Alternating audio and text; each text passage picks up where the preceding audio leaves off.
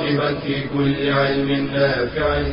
ينمو العلم ويتقدم بتقنياته ومجالاته ومعه نطور أدواتنا في تقديم العلم الشرعي. أكاديمية زاد. زاد أكاديمية ينبوعها. صاف صاف ليروي غلة الظمآن. هذه عقيدتنا الصحيحة فطرة تنفي الشكوك بواضح البرهان.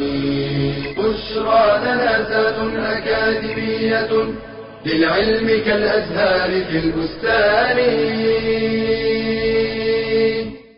السلام عليكم ورحمة الله وبركاته.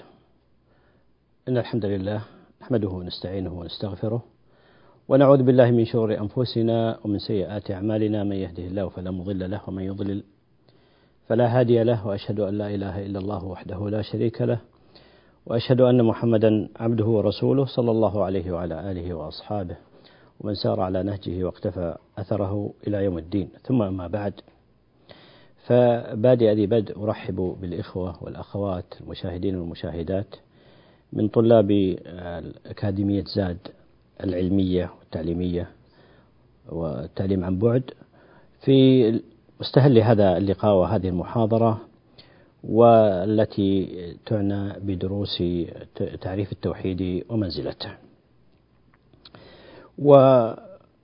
ونحن هنا نبدأ أو نشرع في الحديث عن الإيمان بالله سبحانه وتعالى الذي هو أول وآكد وأهم أركان الإيمان الستة كما هو معروف. والإيمان بالله تعالى يقتضي أمرين. الأول الإيمان بوجوده سبحانه وتعالى وهذا سيتم الحديث عنها لاحقا إن شاء الله. والأمر الثاني الإيمان بتوحيده عز وجل وهو موضوع هذه المحاضرة وما سيلحقها من محاضرات في هذا الموضوع. ولا يغيب عن شريف علمكم أيها المشاهدين والمشاهدات ما سبق أن تكلمنا عنه أن من أسماء علم العقيدة علم التوحيد وهو من باب إطلاق الجزء وإرادة الكل وهذا أسلوب من أساليب اللغة العربية مشهور ومعروف ومستعمل في لغة القرآن وفي لغة العرب عموما.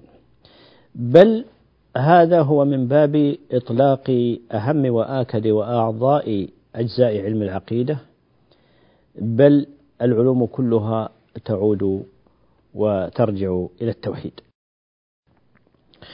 وقبل التفصيل في هذا المسألة نشير إلى أن التوحيد عند إطلاقه ينقسم إلى قسمين.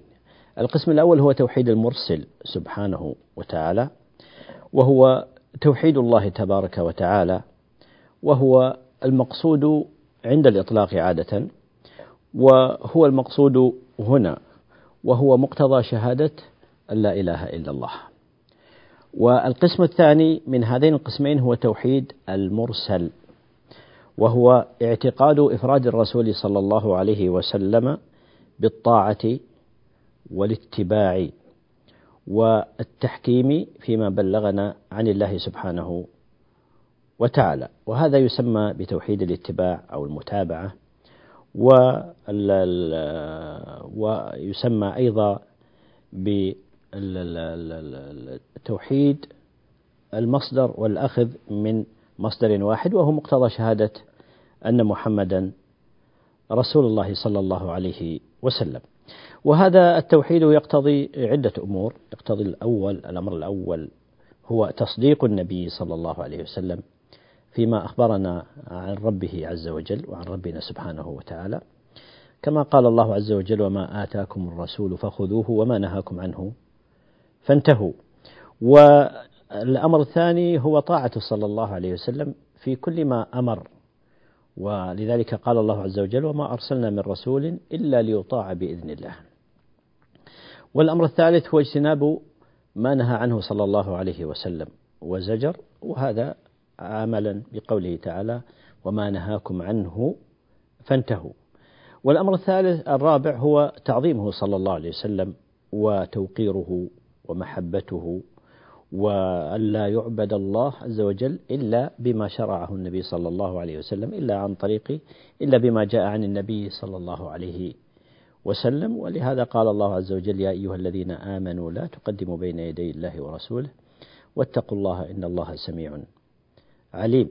ويقول النبي صلى الله عليه وسلم لا يؤمن أحدكم حتى أكون أحب إليه من والده وولده والناس أجمعين والناس أجمعين. وهذا هذان التوحيدان أعني توحيد المرسل سبحانه وتعالى وتوحيد المرسل صلى الله عليه وسلم. هما مضمون الشهادتين كما هو معروف شهادة لا إله إلا الله وشهادة أن محمدا رسول الله صلى الله عليه وسلم.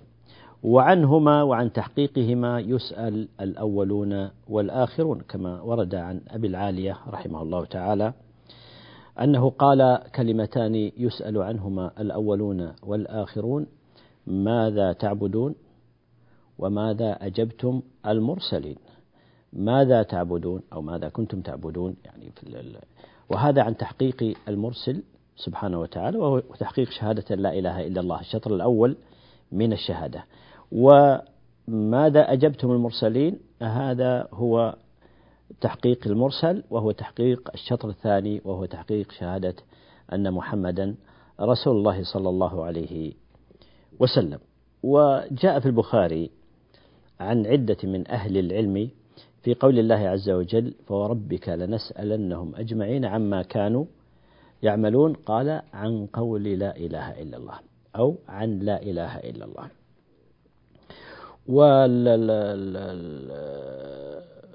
وهذا التوحيد يعني توحيد المتابعة وتوحيد المرسل سبحانه وتعالى وتوحيد المتابعة هو الذي من سار عليه نجا وحقق ما ما من أجله خلقه الله سبحانه وتعالى وأوجده. وفي هذا يذكر ابن القيم رحمه الله تعالى في نونيته المشهورة في بيت منها يقول فيقول فلواحد كن واحدا في واحد أعني طريق الحق والإيمان. فلواحد أي لله كن واحدا أي أفرد الله عز وجل وأوحده. في واحد أي في طريق واحد مستقيم لا عوج فيه. ولا أمتى فسره بعد ذلك بقوله أعني طريق الحق والإيمان. وستكون آه، دراستنا إن شاء الله في هذه المحاضرة وما يتبعها من محاضرات عن تعريف التوحيد ومنزلته أولا ثم يليه من المحاضرات عن أثر التوحيد على الفرد والمجتمع وبعد ذلك بيان أن التوحيد هو الإسلام وأنه دين الرسل جميعا صلوات الله وسلامه عليهم فالآن نشير إلى شيء من تعريف التوحيد ومنزلته. والتوحيد كما قال ابن فارس في معجم مقاييس اللغة يقول الواو والحاء والدال أصل واحد يدل على الانفراد. والتوحيد مشتق من وحد الشيء إذا جعله واحدا فهو مصدر وحد يوحد توحيدا مثل صير يصير تصييرا أو صرف يصرف تصريفا فهو من الثلاثي مزيد مزيد فيه بتكرار آه، العين فعل. فالتوحيد لغة هو كما قلنا مصدر وحد يوحد توحيدا أي جعله جعل الشيء واحدا. وهناك أقوال أخر لعلماء اللغة في معنى التوحيد اللغوي وهي لا تخرج عن هذا المعنى. فقيل في معناه اللغوي يعني تعريف جيد وحسن قيل هو لفظ يدل على التفرد وعدم الشريك. آه، معذرة فاصل. ثم نعود لاستكمال الحديث إن شاء الله. إلى أن نلتقي. أستودعكم الله. والسلام عليكم ورحمة الله وبركاته. بشرى لنا أكاديمية للعلم كالأزهار في البستان.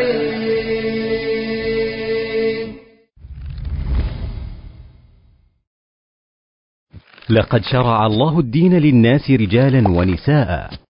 ووعد الجميع الجنة والحياة الطيبة إذا قام بواجبه.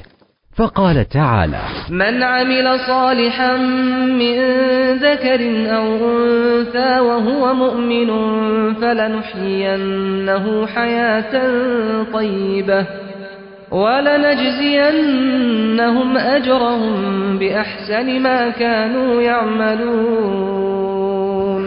وقد جاء الإسلام فأكرم المرأة وحملها مع الرجل مسؤولية النهوض بالمجتمع وحسن الرعاية له.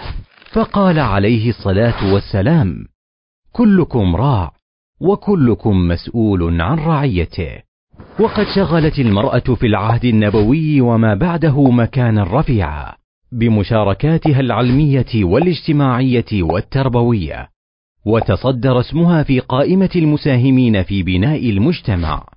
وصياغة هوية الأمة والمحافظة على ثوابت الدين. ولا زال التاريخ يذكر أم المؤمنين خديجة وأم المؤمنين عائشة ونسيبة بنت كعب وأم حرام بنت ملحان وحفصة بنت سيرين وفاطمة بنت عبد الملك وزبيدة بنت جعفر وغيرهن رضي الله عنهن ورحمهن. ومن هنا كان للمرأة المسلمة دورها المهم والخطير في صياغة المجتمع مما أكسبها قيمة واعتبارا واحتراما لا مثيل له في المجتمعات الأخرى كما اعترف بذلك المنصفون من الغربيين وبأنهم إنما تعلموا احترام المرأة من مسلمي الأندلس. يقول المفكر الفرنسي مارسيل بويزارد إن الشعراء من المسلمين هم الذين علموا مسيحي أوروبا عبر أسبان احترام المرأة فللمرأة على ثغر الحياة الزوجية أثر خطير وفي التربية على الدين والخلق دور كبير وفي التعليم والدعوة والطب والرعاية مكانة ومسؤوليات. وقيام المرأة المسلمة بهذا وغيره له أثره الإيجابي في إصلاح المجتمع كله أسرا وأفرادا. وصدق عليه الصلاة والسلام حين قال إنما النساء شقائق الرجال. بشرى لنا زاد أكاديمية للعلم كالأزهار في البستان. السلام عليكم ورحمة الله وبركاته. أه تكلمنا فيما تقدم قبل الفاصل عن معنى كلمة التوحيد لغة. قلنا إنها مصدر وحد يوحد توحيدا أي جعل الشيء واحدا وقيل معان أخر في قريبة من هذا المعنى وهو لفظ يدل على التفرد وعدم الشريك أو هو العلم والحكم بأن الشيء واحد فهي كلمة تدور معانيها على الوحدة والانفراد والتفرد. هذا من حيث المعنى اللغوي. فمعنى وحدت الله إضافة لفظ الجلالة وحدت الله لغة يعني نسبته إلى الوحدانية. وبعضهم يعني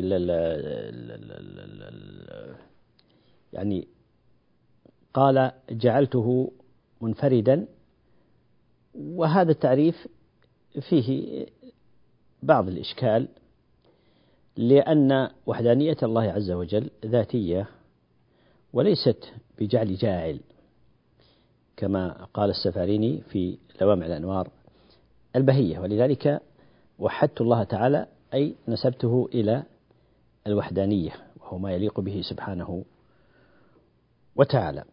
أما من حيث الاصطلاح فالتوحيد من حيث الاصطلاح فهو بمعنى إفراد الله سبحانه وتعالى بما يختص به من الألوهية والربوبية والأسماء والصفات.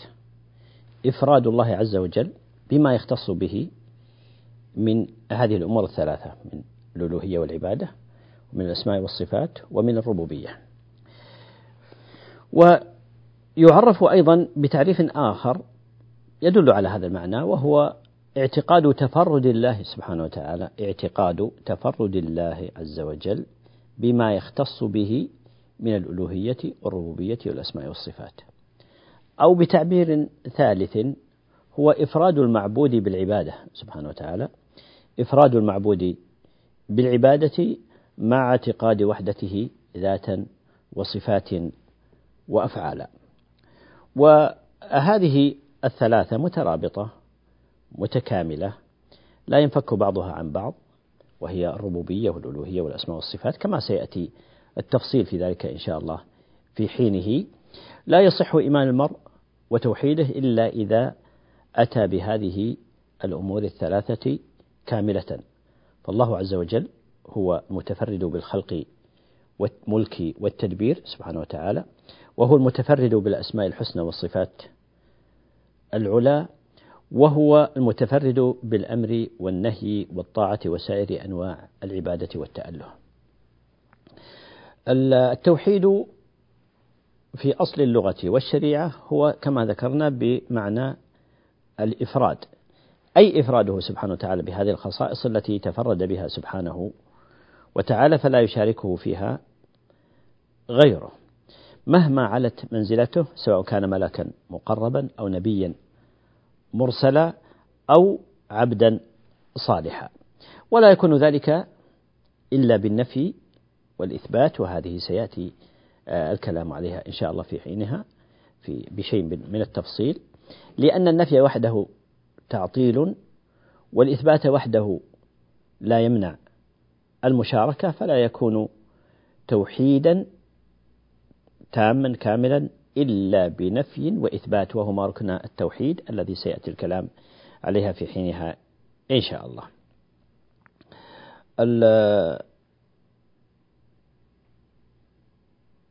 كما أن التوحيد لا يقوم ولا يصح إلا بأن تجتمع فيه أمور ثلاثة. أولها الإقرار به في القلب وهذا هو الأصل والنطق به في النطق باللسان والأمر الثالث العمل بالجوارح. وإقرار القلب هو الأصل وذلك لأن القلب هو ملك الجوارح. وإذا صلح كما قال النبي صلى الله عليه وسلم إذا صلح صلح الجسد كله وإذا فسد فسدت الجسد فسد الجسد كله.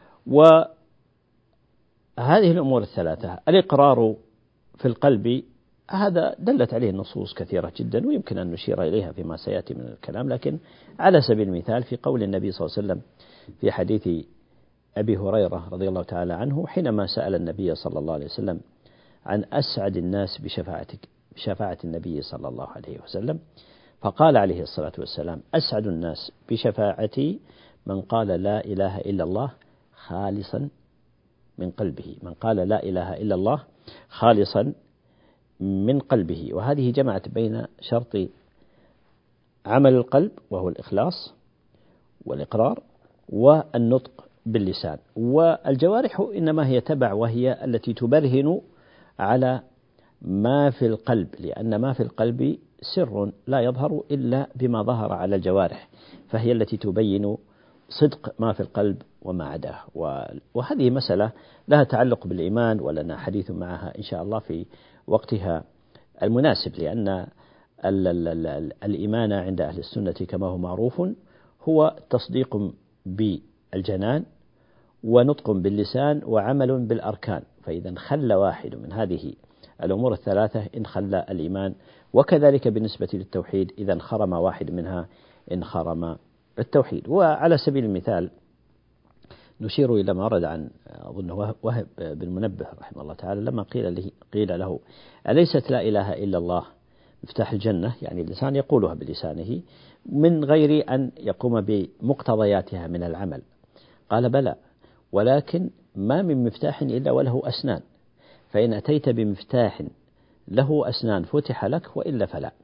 وهذا يدل على يعني مكانة العمل في تحقيق لا إله إلا الله وأن التوحيد لا يكفي فيه مجرد التصديق القلبي ولا النطق باللسان إلا أن تظهر الجوارح استجابة وبيانا وبرهانا لما في القلب من هذا من هذا التصديق وهذا اليقين وهذا الإيمان آه، سمي دين الإسلام آه، والعقيدة توحيدا لماذا؟ وسمي هذا العلم. أولا لأن الله سبحانه وتعالى واحد في ذاته وتدبيره وملكه واحد في ذاته وصفاته فلا نظير له سبحانه وتعالى. وواحد في ملكه وتدبيره وأفعاله فلا ند له سبحانه وتعالى. وواحد في إلهيته وعبادته فلا شريك له. وهذه الأقسام الثلاثة التي أشرنا إليها قبل قليل. سمي الإسلام دين التوحيد لأن الله واحد في ذاته وصفاته فلا نظير له سبحانه وتعالى وواحد في ملكه وتدبيره فلا ند له وواحد في إلهيته وعبادته فلا شريك له. فالتوحيد عند أهل السنة يتضمن شيئين. يتضمن إفراد الله تعالى بوحدانية الذات والصفات والأفعال وهذا ما يسمى بالتوحيد العلمي وهو اعتقاد القلب واليقين. والثاني إفراد الله تعالى بالعبادة والتأله وهذا ما يسمى بالتوحيد العملي. التوحيد العملي وهو التوحيد الطلبي. وسمي هذا العلم الذي يدرس هذه المسائل والأصول سمي بعلم التوحيد وتقدم تعريفه فيما تقدم وكذلك تقدم تعريف علم العقيدة أو علم التوحيد على حد بهذا الخصوص وهو ما تقدم الكلام عليه وتعريفه في ما تقدم من الحديث في هذا الموضوع. بعد ذلك ننتقل إلى مسألة وجود كلمة التوحيد في نصوص الكتاب والسنة وهذه سيكون الحديث عنها بعد آه، قليل بعد الفاصل الذي سيأتي آه، قريبا من أجل الإجابة على استشكال بعض الناس وادعائهم على أن هذه الكلمة كلمة التوحيد ليست موجودة في الكتاب والسنة والرد عليهم من خلال النصوص الشرعية في هذا الموضوع. هذا هو حديث ما بعد الفاصل. إلى ذلك الحين أستودعكم الله والسلام عليكم ورحمة الله وبركاته. بشرى لنا ذات أكاديمية للعلم كالأزهار في البستان.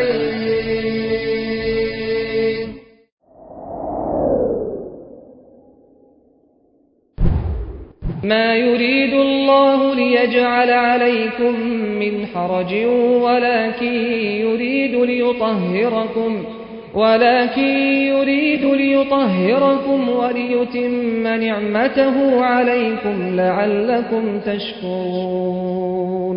من رحمة الله تعالى بعباده أن رخص لهم في المسح على الخفين والجوارب في الوضوء بدلا من غسل الرجلين. وذلك بالمسح مرة واحدة أعلى الخف الأيمن باليد اليمنى وأعلى الخف الأيسر باليسرى.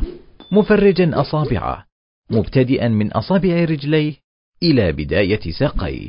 يمسح على الخفين معا أو يبتدئ بالخف الأيمن ثم الأيسر. فالأمر في ذلك واسع بشرط أن يكون الخف طاهرا من النجاسة وأن يكون ساترا للقدم مع الكعبين.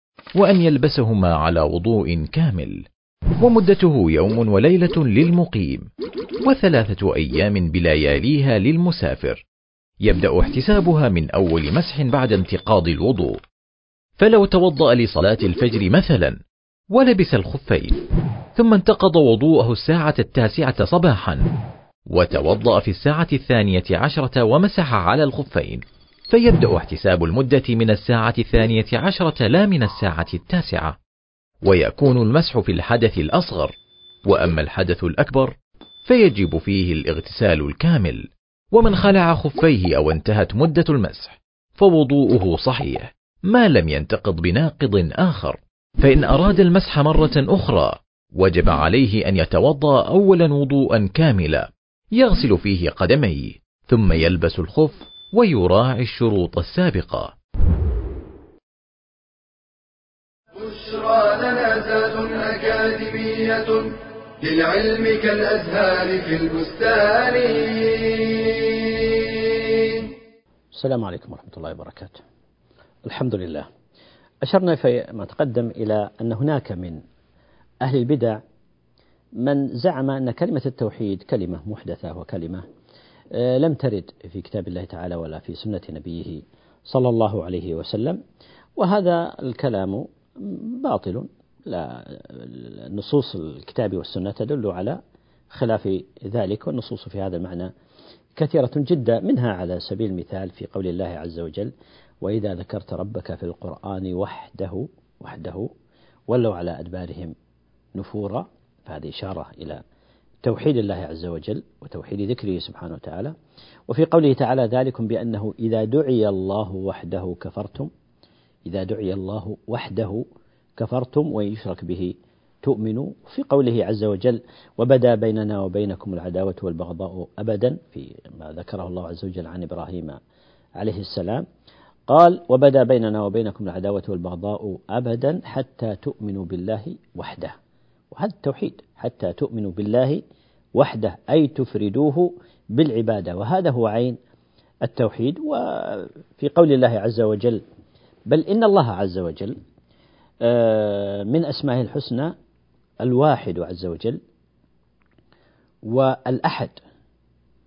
والله عز وجل قال في كتابه العزيز وإلهكم إله إله واحد سبحانه وتعالى.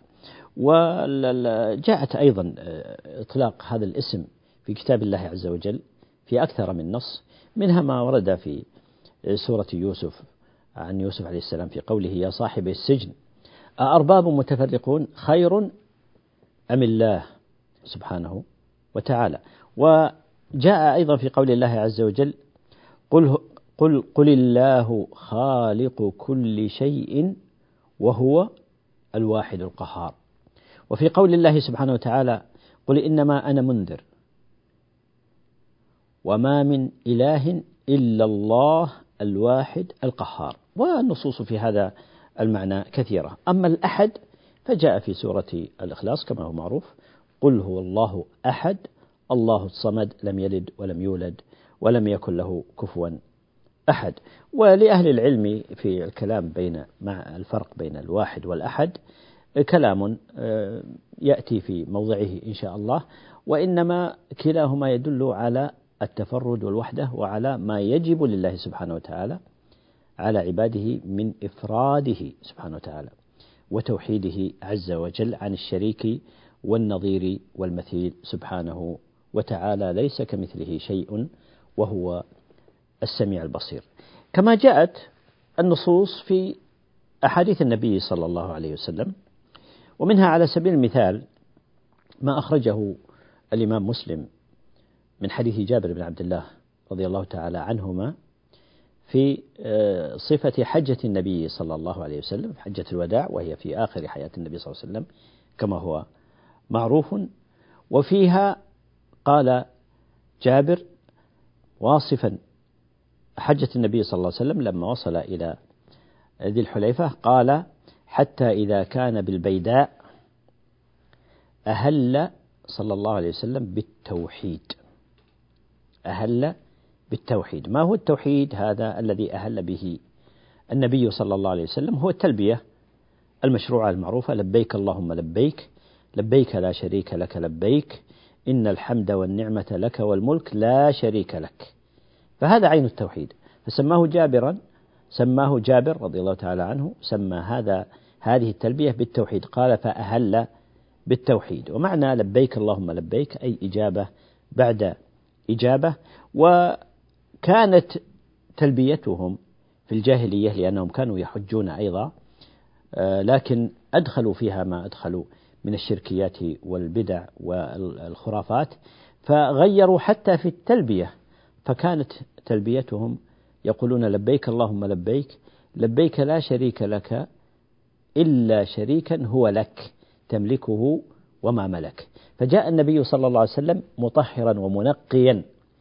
هذه الشعيرة العظيمة وابتدأها بتحقيق التوحيد فجاءت هذه التلبية بهذه الصورة النقية في بيان التوحيد ونفي الشريك عن الله سبحانه وتعالى ونبذ ما كان عليه أهل الشرك.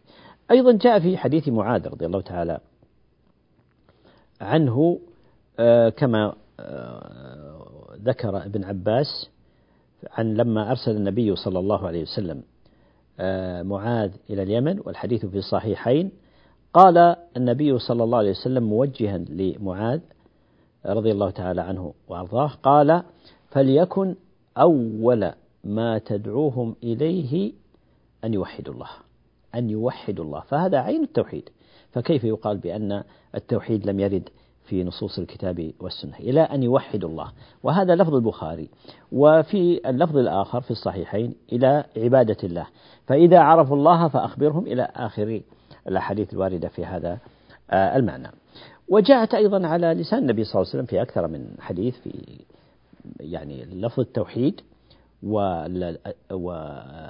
والأمر به كما في قوله عليه الصلاة والسلام في الحديث الذي رواه مسلم في صحيحه قال عليه الصلاة والسلام من وحد الله وكفر بما يعبد من دون الله حرم ماله ودمه وحسابه على الله.